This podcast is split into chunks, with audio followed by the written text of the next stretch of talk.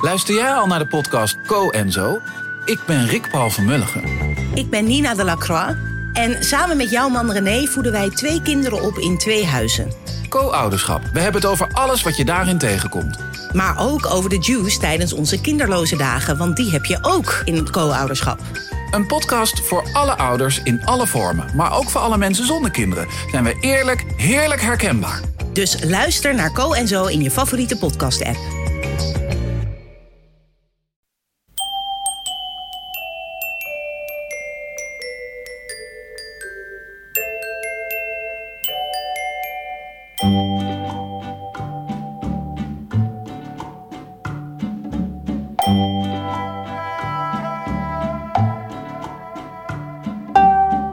Welkom bij aflevering 171 van de Echt Gebeurd podcast, waar waar gebeurde verhalen worden verteld door de mensen die het zelf hebben meegemaakt. In deze aflevering het verhaal van Mustafa Dunmes. Het thema van die dag was Familie duurt het langst.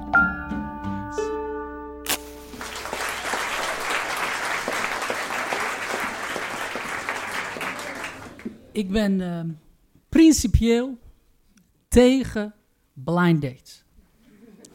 Sterker nog, ik, ik ben tegen iedere vorm van gearrangeerde liefde. Speed daten, internet dating, noem maar op, ben ik tegen. En dat is niet zomaar een mening dat ik hieruit. Dat heeft twee belangrijke redenen. De eerste is, uh, ik ben Turks. En wij Turken hebben de ultieme blind date uitgevonden, namelijk het uithuwelijken. En um, ik heb het van dichtbij meegemaakt. Kijk, mijn ouders, ik hou zielsveel van hun, zij houden van mij, zijn 40 jaar getrouwd, maar ze zijn uitgehuwelijkt. En ze zijn later verliefd geworden. Maar de eerste vijf tot tien jaar vloog het servies door de huiskamer.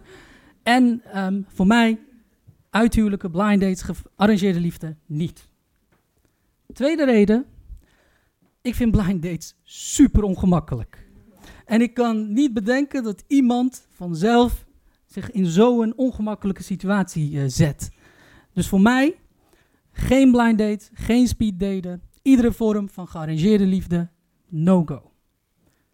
2010. Ik ben 30. En mijn tactiek heeft niet gewerkt.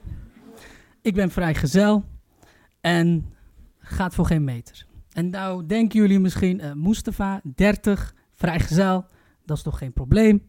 Jullie vergeten één detail, ik ben Turks. en de sociale druk, die voel je overal. Die voel je echt bij alles. Iedere gesprek ging ook niet meer over het weer, maar over Mustafa, wanneer ga jij nou aan de vrouw?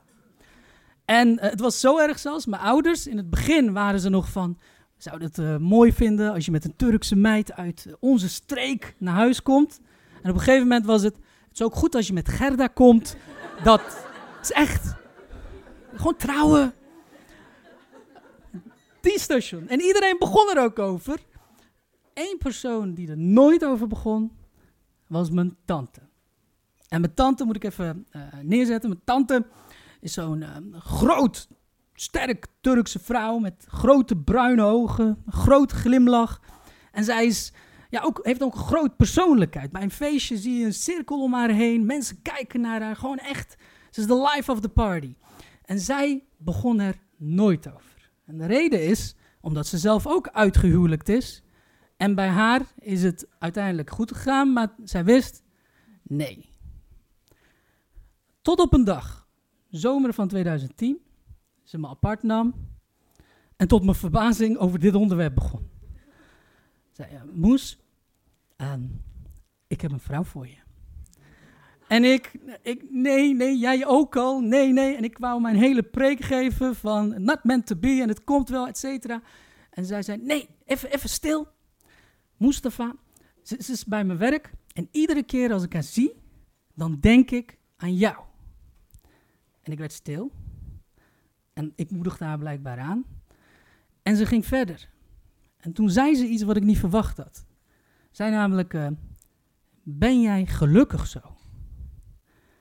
En dat raakte me en ik, ik, ik bleef stil. En ze pakte mijn hand en ze zei, uh, doe het dan voor mij. Eén keer. Ja, maar hoe kun je daar nee op zeggen? dan ben je wel echt koud. Dus ik, ik zei, eh, ik doe het. Ja, ja. Eh, maar, maar, ik doe het. En eh, ik hoorde maanden niets van haar. En ik dacht, oké, mooi, ze is het vergeten, ze is wat ouder, goed zo. Ehm, totdat ze out of the blue, ik ben nog steeds getraumatiseerd door die telefoontje, 31 augustus 2010, dinsdag, belde ze me op. Uh, Mustafa, morgen is die date. en ik, welke date? Ja, die date waar we het over hadden. En ik, welke date? Je weet waar we het over hebben. Morgen om 7 uur s'avonds uh, Kijkduin, Pannenkoekenhuis.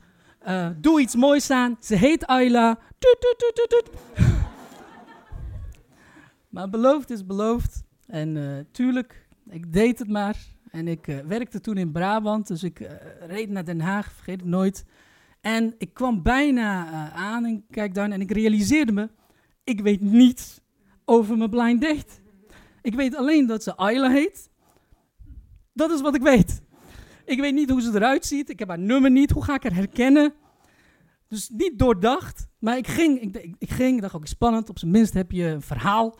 Dus ik ging um, uh, naar het pannenkoekenhuis. En uh, buiten was een restaurantje. En ik, ik, keek in de verte. En daar zag ik inderdaad een vrouw met zwart krullend haar.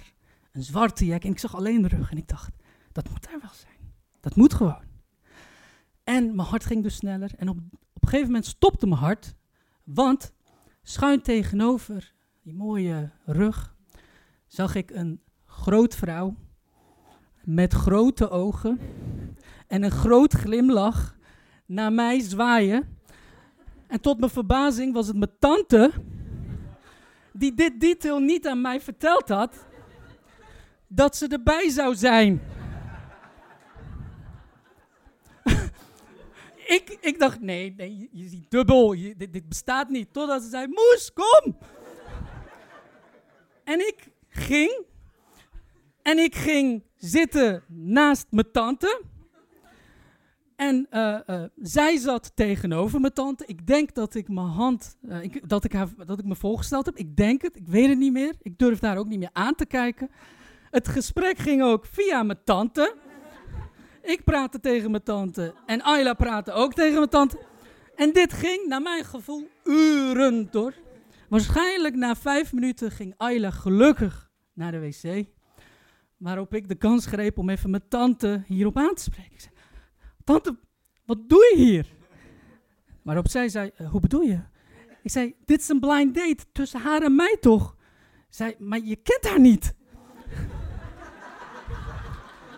Waarop ik zei: Ja, maar dat is een blind date. Waarop zij de legendarische woorden sprak: Maar dat is toch super ongemakkelijk?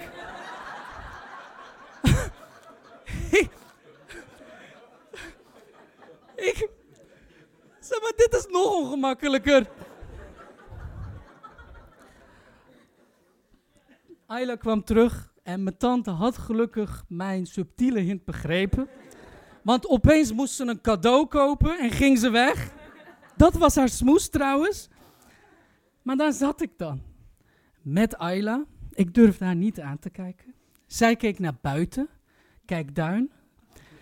En, um, en ik, ja, het was ongemakkelijk. En ik dacht, oké, je hebt nu je verhaal en je gaat gewoon... Ik bedacht smoezen om de weg te gaan. En het werd ongemakkelijker. En zij keek in de verte en op een gegeven moment, vergeet dat moment nooit, begon ze me toch te lachen. Maar echt, ze lag in een deuk. Voorovergebogen, echt aan het lachen. Ik dacht, lacht ze me nou uit? Nee, ze keek in de verte, schuin naar rechts, vergeet dat nooit. En ik, en ik volgde haar oog. En wat zag ik? Uh, je hebt van die paaltjes, één meter hoog. En blijkbaar had een jongen van tien geprobeerd er overheen te springen. Maar was met zijn kruis volop tegen die paal gekomen en lag te creperen van de pijn. En zij lag in een deuk. En toen ging ik natuurlijk ook lachen, want dit is mijn niveau. en ijs was meteen gebroken. We keken elkaar zo waar aan. We gingen babbelen. En we bleven tot sluitingstijd. En uh, ik kreeg haar telefoon. En er kwam een tweede date. En een derde date. En het tiende date. En op een gegeven moment smokkelde ik haar naar Parijs. En op de Arc de Triomphe ging ik op mijn knieën. En ze zei ja. En we trouwden. Twee jaar later kregen we een prinses met groene ogen. Weer twee jaar later kregen we een prinses met de mooiste krullen die je ooit gezien hebt. En uh, twee, zeven jaar later kan ik jullie zeggen, ik ben oprecht de gelukkigste persoon die er is. En uh, twee dingen wil ik, uh, heb ik geleerd en wil ik misschien aan jullie meegeven. Het eerste is, in de liefde moet je blijkbaar soms van je principes afwijken. En tweede is, luister naar je tante. Dank je wel.